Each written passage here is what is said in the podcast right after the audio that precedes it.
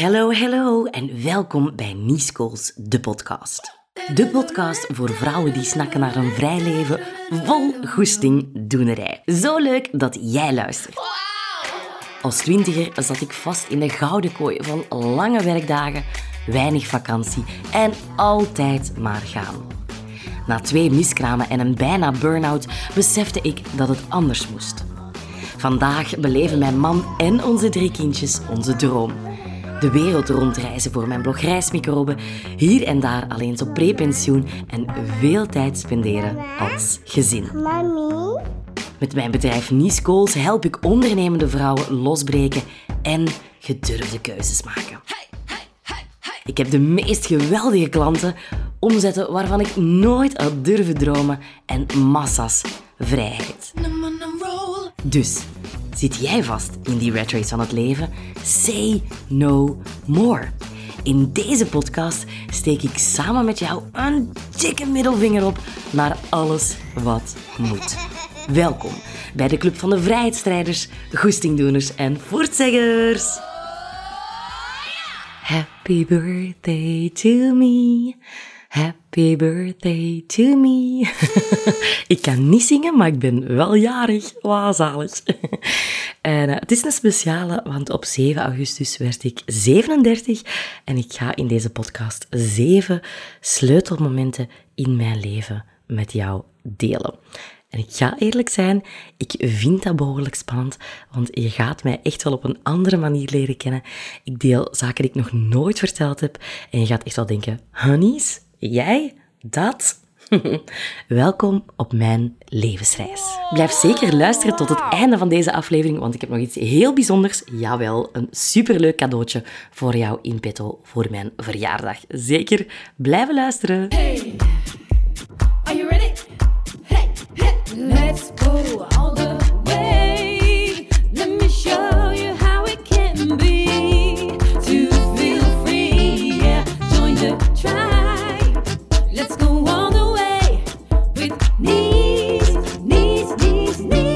Een eerste sleutelmoment, nog iets dat ik mij herinner als kind, als ja, kleuter was het niet meer, lagere schoolkind, is dat ik één beste vriendinnetje had. En ik kan wel zeggen dat ik echt een schaap was. Een schaap als in, ik volgde haar met alles. Ging zij ballet doen, dan wilde ik ook ballet gaan doen. Ging zij op de muziekschool voor gitaar, dan ging ik ook voor gitaar. Ik volgde ze in alles. Ik volgde ze in kledij, in muzieksmaak, in alles. Dat is zelfs op een gegeven moment, het is zo schaamtelijk dat ik moet lachen, het is op een gegeven moment zelfs zo ver gegaan dat ik zo een paars briefje zag liggen in de kast bij mijn ouders, eentje van 5000 frank, dat ik dat gepakt heb, gestolen dus eigenlijk, sorry, en dat ik dat meegenomen heb toen ik bij mijn vriendin ging spelen. En dat ik dat gewoon haar cadeau gaf van hier, 5000 frank, misschien houd je dan nog meer van mij. Ik vraag me nu echt af waarom ik dat deed. Is dat misschien een typisch lagere school ding? Ik weet het niet. Deed ik dat uit veiligheid of, of was ik bang om haar kwijt te geraken? Eigenlijk heb ik geen idee. Misschien moet een of andere psycholoog mij daar eens mee helpen. Maar eh, nee, grapje. Ik, eh, ik zou het nu nooit meer doen. Ik ben nu allesbehalve een schaap. Maar blijkbaar was ik dat dus in de lagere school wel.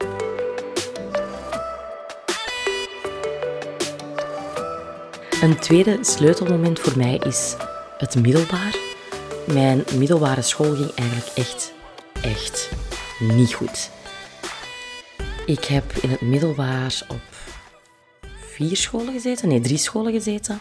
Op drie verschillende scholen gezeten. En op mijn derde school, waar ik dus uiteindelijk mijn middelbaar wel heb afgemaakt, dat was eigenlijk de TSO. Dat was het, de TSO-school van de eerste school waar ik op zat. Dus eerst heb ik ASO gedaan, dan ben ik afgezakt. Hè, dat woord alleen al. Ik hoop echt, echt van harte dat ze dat nu niet meer gebruiken. Maar toen ben ik dus afgezakt van het ASO naar handel. Terwijl ik in het ASO mm, een beetje troubles had met wiskunde en al die shizzle, gaan ze mij handel laten doen. Bedoel, handel, economie was daar belangrijk, chemie, fysica. Ja, echt iets voor ons niet. Not. Dat liep dus ook niet zo goed. En toen ben ik vervolgens toerisme gaan studeren. Maar dus die richting toerisme was de TSO-versie eigenlijk van de ASO-school waar ik eerst op gezeten had. En ik was dus eigenlijk in het begin best wel excited, want dat zou kunnen zeggen dat ik mijn vriendinnetjes van het ASO wel eens vaker zou kunnen zien, want ik wist dat die speelplaatsen grensden aan elkaar. Dus wat deed ik in het begin? Ik ging naar de draad, zoals we dat toen noemden. Ik liep naar de draad en ik ging als 15-jarige toen zo rondkijken naar, zie ik mijn vriendinnetjes van op de ASO-school. hey, hey, hallo. En eh, dat mocht niet. Ik werd daar regelmatig op aangesproken door, I don't know, zijn dat juffen of mensen die toezicht deden op de speelplaats.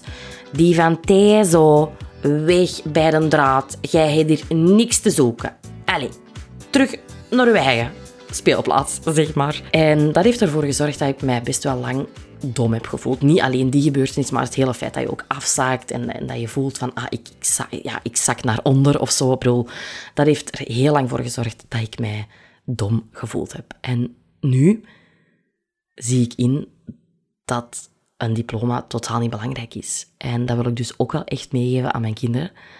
Een diploma is ook maar dat. Ik heb nu een heel avontuurlijke job waar ik al mijn eigen beslissingen kan nemen. Ik heb badass klanten. Ik heb crazy resultaten. Ik heb zotte omzetten. En dat kan ik zeker niet van al de vriendinnetjes zeggen waar ik toen eh, zo naastig naar aan het zwaaien was. Een derde sleutelmoment is toen ik in het zesde middelbaar uiteindelijk was afgestudeerd. Want, en ik zeg uiteindelijk, want ik ben ook nog een keertje blijven zitten in het vijfde middelbaar. En ik was samen met een aantal andere vriendinnetjes ondertussen van schaap en dom voelen. In de eerste twee sleutelmomenten was ik echt wel geëvolueerd naar een rebel child. En we deden eigenlijk gewoon los ons goesting. We zaten heel vaak van achter in de klas. Eh, We zaten wat lippenstift op te doen, boekjes te lezen, de fancy, weet je wel, al die dingen. En het interesseerde ons eigenlijk geen hol. En ik weet nog, toen we dan bleven zitten in het vijfde, eh, en we dus de eerste dag terug naar het vijfde middelbaar zouden gaan. Ik was samen met twee vriendinnen, dus wij met drie. We noemden ons de Wefkes. Ja, echt wel heel cool. we noemen ons trouwens nog steeds de Wefkes. En ik zie die meisjes nog, dus dat is superleuk, die vrouwen ondertussen. En wij zwierden de klasdeur open met een schwung. Je kunt het je niet voorstellen. We dachten echt, we are the cool kids. En we zongen van Eminem, Guess who's back? Back again. echt wel triest eigenlijk. Maar goed, ik had dus, zoals je kan horen, wel wat de attitude van speelvogel. En ik, toen ik uiteindelijk in het zesde middelbaar met onderscheiding dan eigenlijk toch nog afstudeerde, ja, was daar toch nog altijd die attitude van, ja, Nies en haar houding, dat is toch niet alles. En de leerkrachten hebben toen op het einde van het schooljaar gevraagd, wat willen jullie eigenlijk gaan doen? En gaan jullie werken? Gaan jullie nog een zevende jaar doen? Of gaan jullie het aandurven om verder te studeren? Toen, in mijn tijd, was dat toch nog zo'n beetje van, mm, gaan verder studeren als je TSO doet. Wow, we hebben daar ons vraagtekens bij veel mensen uiteindelijk van in mijn klas hebben hun bachelordiploma gehaald, zelfs universitair diploma, dus laat niemand u tegenhouden alsjeblieft. Maar dus de leerkrachten gingen dan eigenlijk nog een advies formuleren op het einde van het jaar ja, op hetgeen dat jij had beslist om verder te gaan doen. Dus ik zeg daar, ik wil journalistiek gaan studeren, ik wil daar iets mee gaan doen, ik wil gaan schrijven. Radio, televisie had ik toen nog niet echt in mijn gedachten. Ik ben daar uiteindelijk in die richting wel afgestudeerd. Maar ja, het ging meer over het schrijven. Het zou superleuk zijn, magazines meewerken, weet ik veel. Dat wilde ik doen. En ik kreeg daar als antwoord... Hm, jij journalistiek. Ja, dat ze toch eigenlijk wel echt vraagtekens hadden bij het feit of ik zou afstuderen of niet. En niet zozeer van wat er in het koppetje zat, maar vooral mijn attitude. Dus ik weet dat ze daar toen iets in de zin van... Met deze attitude ga je er toch moeilijk komen op dat plaatje hebben geschreven. Je ziet, ik was toen al een goestingdoener en ik ben het toch gaan doen. En ook al was het ook niet het vlotste parcours, ik heb er vier jaar over gedaan in plaats van drie jaar, but so what. Ik heb mijn diploma journalistiek, radio en tv alsnog gehaald. Een vierde sleutelmoment is 2007, het jaar waarin Geert in mijn leven kwam. Je kent het wel. Eerst wat MSN'en. ik hoop dat je het kent. Allee, nee, als je het niet kent, dan mocht je op de schouders kloppen, want dan zijt je gewoon nog super jong. Maar MSN, ja, ik was er uiteraard op tijd bij. Als eh, social media eh, expert ondertussen zijnde. Ja, MSN, ik zat daarop, chatten, leuk. Ik kende Geert eigenlijk via eh, vrienden al. En ik had hem wel al eens een keertje gezien. En op MSN, op een of andere manier, ik weet niet meer exact hoe. Was 22, sprong hij opnieuw in mijn oog. En zijn we eigenlijk beginnen chatten. En dat voelde eigenlijk heel snel mega vertrouwd aan. En dat voelde wel van, oh, ik kan hier echt babbelen met die gast, super tof. We, ja, we gaan afspreken. Ehm, en voordat we afgesproken hebben, zijn we van MSN ook naar de telefoon gegaan. Dus zijn we beginnen bellen, sms'en. Dat hebben we eigenlijk echt een heel aantal weken gedaan. En in zo augustus, september van het jaar voelden we van oké, we moeten hier eens gaan afspreken, eens zien of dat het in echt ook zo klikt als online. Super spannend. Dus op, op 30 september 2007 gingen wij afspreken in Antwerpen, want ik zat daar op kot. Op een zondagavond ging hij naar Antwerpen komen. En ja, gingen we iets drinken, iets eten. Ik weet niet meer precies wat onze plannen waren. Maar je hoort, ik spreek in de verleden tijd. Waarom? Ik heb onze eerste date gewoon keihard afgezegd. Sorry. Ik heb die afgezegd omdat ik veel te zenuwachtig was. Ik wilde eigenlijk echt wel dat het, dat, het, dat het een relatie zou worden. En ik voelde, en nu dat ik het vertel, voel ik het eigenlijk al terug. Ik, ik was echt zenuwachtig. Ik had echt buikpijn van de zenuwen. Ik vond het te spannend. Dus ik dacht, ik blaas de hele boel af met het excuus dat ik ziek ben. En dat heb ik gedaan.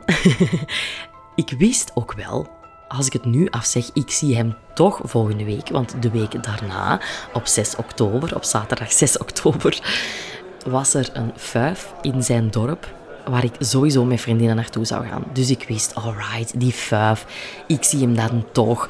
We gaan daar pintjes drinken. Uh, er zijn mensen, vriendinnen om ons heen. Het is allemaal minder spannend. En ik wist van, als we daar naartoe gaan, dan komt die eerste kus er toch. En dan zijn we alsnog vertrokken. Dus voilà.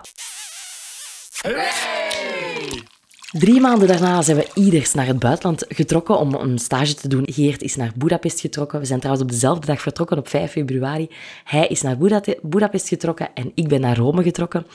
Na anderhalve week stond hij al in Rome. Is hij van Budapest naar Rome gevlogen, omdat hij mij zo miste. Uh, fantastisch eigenlijk. Hè? En ondertussen zijn we 15 jaar samen en 9 jaar getrouwd. Een vijfde sleutelmoment dat ik met jullie wil delen is dat ik evolueerde naar een goestingdoener en een rebel child, maar dat ik op een of andere manier toch waarom, dat weet ik niet. Maar toch alle vakjes in de juiste volgorde, en ik zit dat hier quote-unquote um, te doen, in de juiste volgorde heb afgevinkt. Dat hele huisje, tuintje, boompje, kindje. Op een of andere manier was dat toch een streven van mij. En ik denk niet per se dat het mijn streven was, maar dat ik wel voelde van dit is wat het summum. En iedereen rondom mij is daar naartoe aan het werken, dus we moeten maar op die trein. Voelt een beetje alsof toen ik, uh, toen ik 16 jaar was en iedereen kreeg een vriendje en iedereen ging voor de eerste keer seks hebben. En ik had zoiets van, wat? Ik wil de trein hier niet missen. Ik ga dat hier ook doen.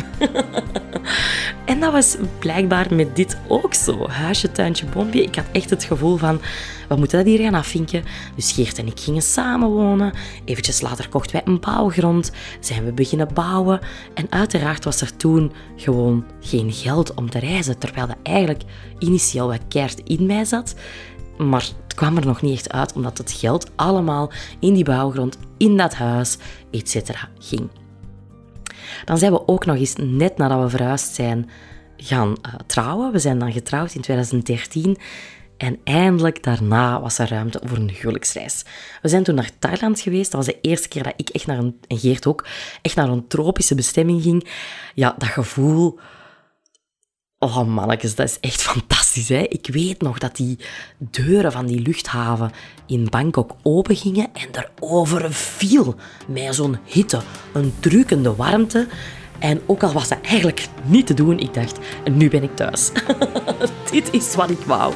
Heerlijk. Ik herinner mij ook nog het moment waarop dat we tijdens onze reis, ergens in het midden was dat, op Phi zijn beland. Een eiland dat nu ondertussen redelijk, het is nog super cool, hè, maar redelijk overspoeld is door toerisme. Was toen ook al wel, maar we spreken hier zo echt al wel over bijna tien jaar geleden. die plek waar we toen sliepen was magisch. Het was een klein hotelletje, we hadden ons eigen privéstrand. Dat had ik nog nooit in mijn leven gehad, een eigen privéstrand. En als ik daar in de zee stapte, ja, dat was zo'n helder azuurblauw water. En ik zag de visjes gewoon rondom mij zwemmen. Ik zag kleine dories met blauwe strepen en zwarte strepen. En ik zag Nemo's, oranje Nemo's. Ik zag eigenlijk visjes in allerlei kleuren. En ik weet nog dat ik toen voelde van... This is my destiny. Dit kan toch niet dat dit maar eens af en toe in mijn leven gaat gebeuren, dat ik dit gevoel heb. Het gevoel van vrijheid. Het gevoel van één zijn met de natuur. Het gevoel van losbreken. En daar is de eerste echte start van de reis Kriebels begonnen. En het grappige is dat ik die plek daar in Kofifi, dat water, dat warme water, die visjes rondom mij, dat ik die heel vaak nog terug heb gebruikt in visualisaties. Want zoals ik in aflevering 2 van deze podcast vertel, is mijn mindset compleet veranderd door mijn bevallingen. Dus ga gerust terugluisteren als je daar benieuwd naar bent. En in mijn hypnobirthing tijdens mijn bevallingen ging ik altijd naar die calming place, naar die visualisatie van die visjes in Kofifi. En dan werd ik gewoon weer helemaal kalm om mijn bevalling op en top aan te kunnen. Jambo Bwana, habari gani, nzuri sana, wageni wakaribishwa Kenya yetu, hakuna matata. Jambo, jambo bwana, habari gani, mzuri sana, wageni wakaribishwa Kenya yetu, hakuna matata. Oh nee! Sleutelmoment 6. Misschien wel het grootste sleutelmoment van allemaal. Want mijn wereld is op zijn kop gaan staan door kindjes te krijgen. Uiteraard. ik denk dat ik het beste kan samenvatten als voordat je kindjes krijgt, ja, loopt een evenaar door je gat, zeg maar. Alles draait om u. Je bent superbelangrijk. En daarna is dat niet meer zo. Zijn er andere wezentjes om voor te zorgen. En dat is eigenlijk stiekem echt wel magisch. Ja, roept Indy. Ik wilde zo graag een kindje natuurlijk, omdat ik eerst twee miskramen heb doorgemaakt voor Morris er kwam. Dus voor mij waren eigenlijk mijn kraamperiodes echt wel roze wolken. Ik weet dat heel veel mensen het anders meemaken. Grijze wolken, zwarte wolken, allerlei kleurenwolken. Maar ik heb eigenlijk drie keer wel echt op een roze wolk mogen zitten. En dat vind, ik- vind ik heel fijn. Daar ben ik super dankbaar voor. Bij Indy was het uiteraard al ietsje anders, omdat die zwangerschap eerder ongepland was. En dat was dus allemaal wel spannender, maar ook nadat zij geboren was, heb ik echt wel kunnen genieten. Ik heb gemerkt dat kinderen krijgen je andere dingen echt doet relativeren. Je vindt het heel belangrijk dat zij gelukkig zijn, dat zij happy zijn, maar je gaat vooral ook dingen bij jezelf anders bekijken. Van, ja, hier ga ik me niet meer druk om maken. Hè. Als iedereen al eens gezond is en iedereen is hier blij en we kunnen gewoon samen zijn en samen plezier maken, dan is dat allemaal wel oké. Oh, schutte Mieke. Dus ja, dat is toch ook wel echt een sleutelmoment, die kindjes krijgen. Het heeft mij telkens zo teruggebracht naar de kern, naar de essentie, naar wat is hier belangrijk. Want ook telkens als ik mijn moederschapsrust nam, ik heb eigenlijk ook altijd langer moederschapsrust genomen dan wat officieel kan of mag, zeg maar, als zelfstandige. Ik heb zelfs bij Zola negen maanden, bij Indy, ja, die is meer dan een jaar thuis geweest. Ik wil niet zeggen dat ik niet gewerkt heb in die periode, maar toch, ik, ze zijn echt allemaal wel lang thuis geweest. En ik ben zo blij dat ik die keuze gemaakt heb.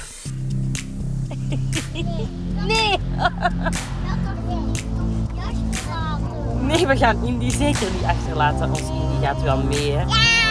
Ja, nu zegt ze toch ja. En dan zijn we al toe aan nummer 7 en blijf zeker nog even hangen, want ik deel op het einde van deze podcast nog een crazy verjaardagscadeau. Het zevende sleutelmoment is dat mijn kindjes de versneller zijn geweest naar mijn vrijheid, naar mijn ultieme leven.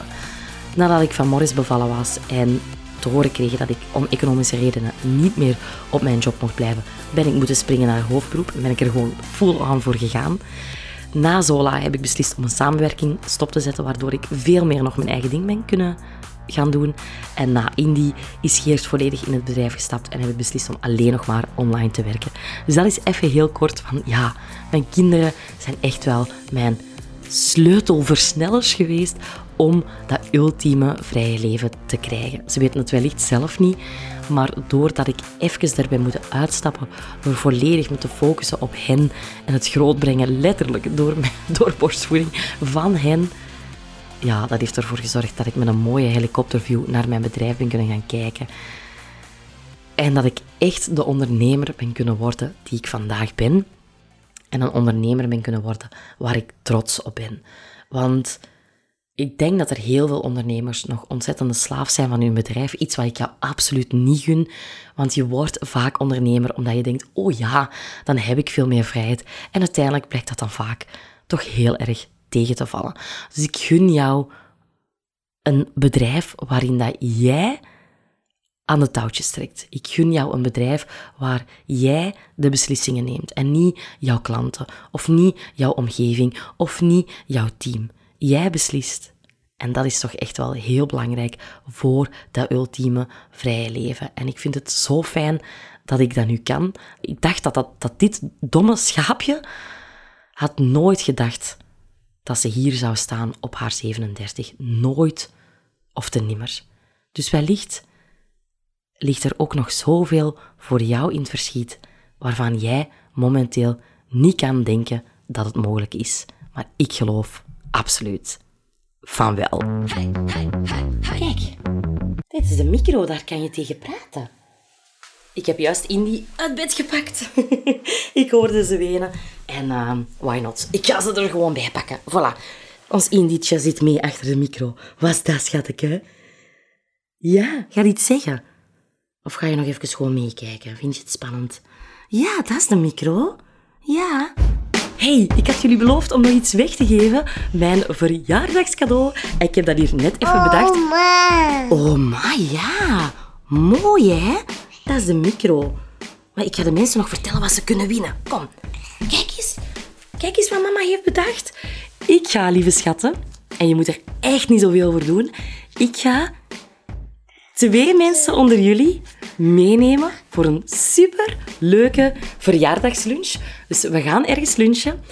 Ik trakteer en je mag mij alles vragen over eender wat. Je mag mij businessadvies vragen, levensadvies. Maakt dan niet uit. Ondertussen zit Indy hier met de micro te spelen. Maar ik wil dus heel graag twee van jullie uitnodigen op een verjaardagslunch met mij. On me. Ik trakteer en je mag mij gewoon ja, letterlijk alles vragen. Wat moet je daarvoor doen? Je mag mij een review geven in de app waarmee je luistert.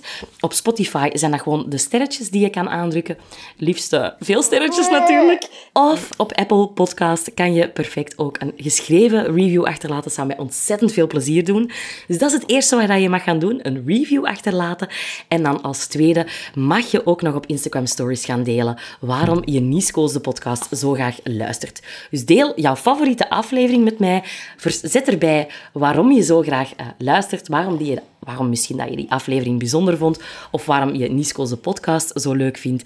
Tag mij, zodat ik het kan zien, zodat ik jou in de pot kan steken. En dan ga ik binnen een week de winnaar trekken. Ik ben super benieuwd wie van jullie ik uit de lunchje mag nemen.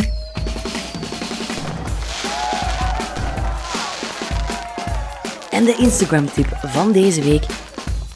Hoe ziet jouw Instagram bio eruit? Hoe ziet jouw biografie op Instagram eruit? En die biografie, dat is dat kort tekstje dat je over jezelf mag schrijven. Spreek die voldoende aan. Heb je die voor jezelf geschreven van, hmm, I fancy coffee, I like cats, wat leuke emoticons erbij, travel mom, weet ik veel wat je daar allemaal in zet. Heb je die voor jezelf geschreven? Of heb je die voor je ideale klant geschreven?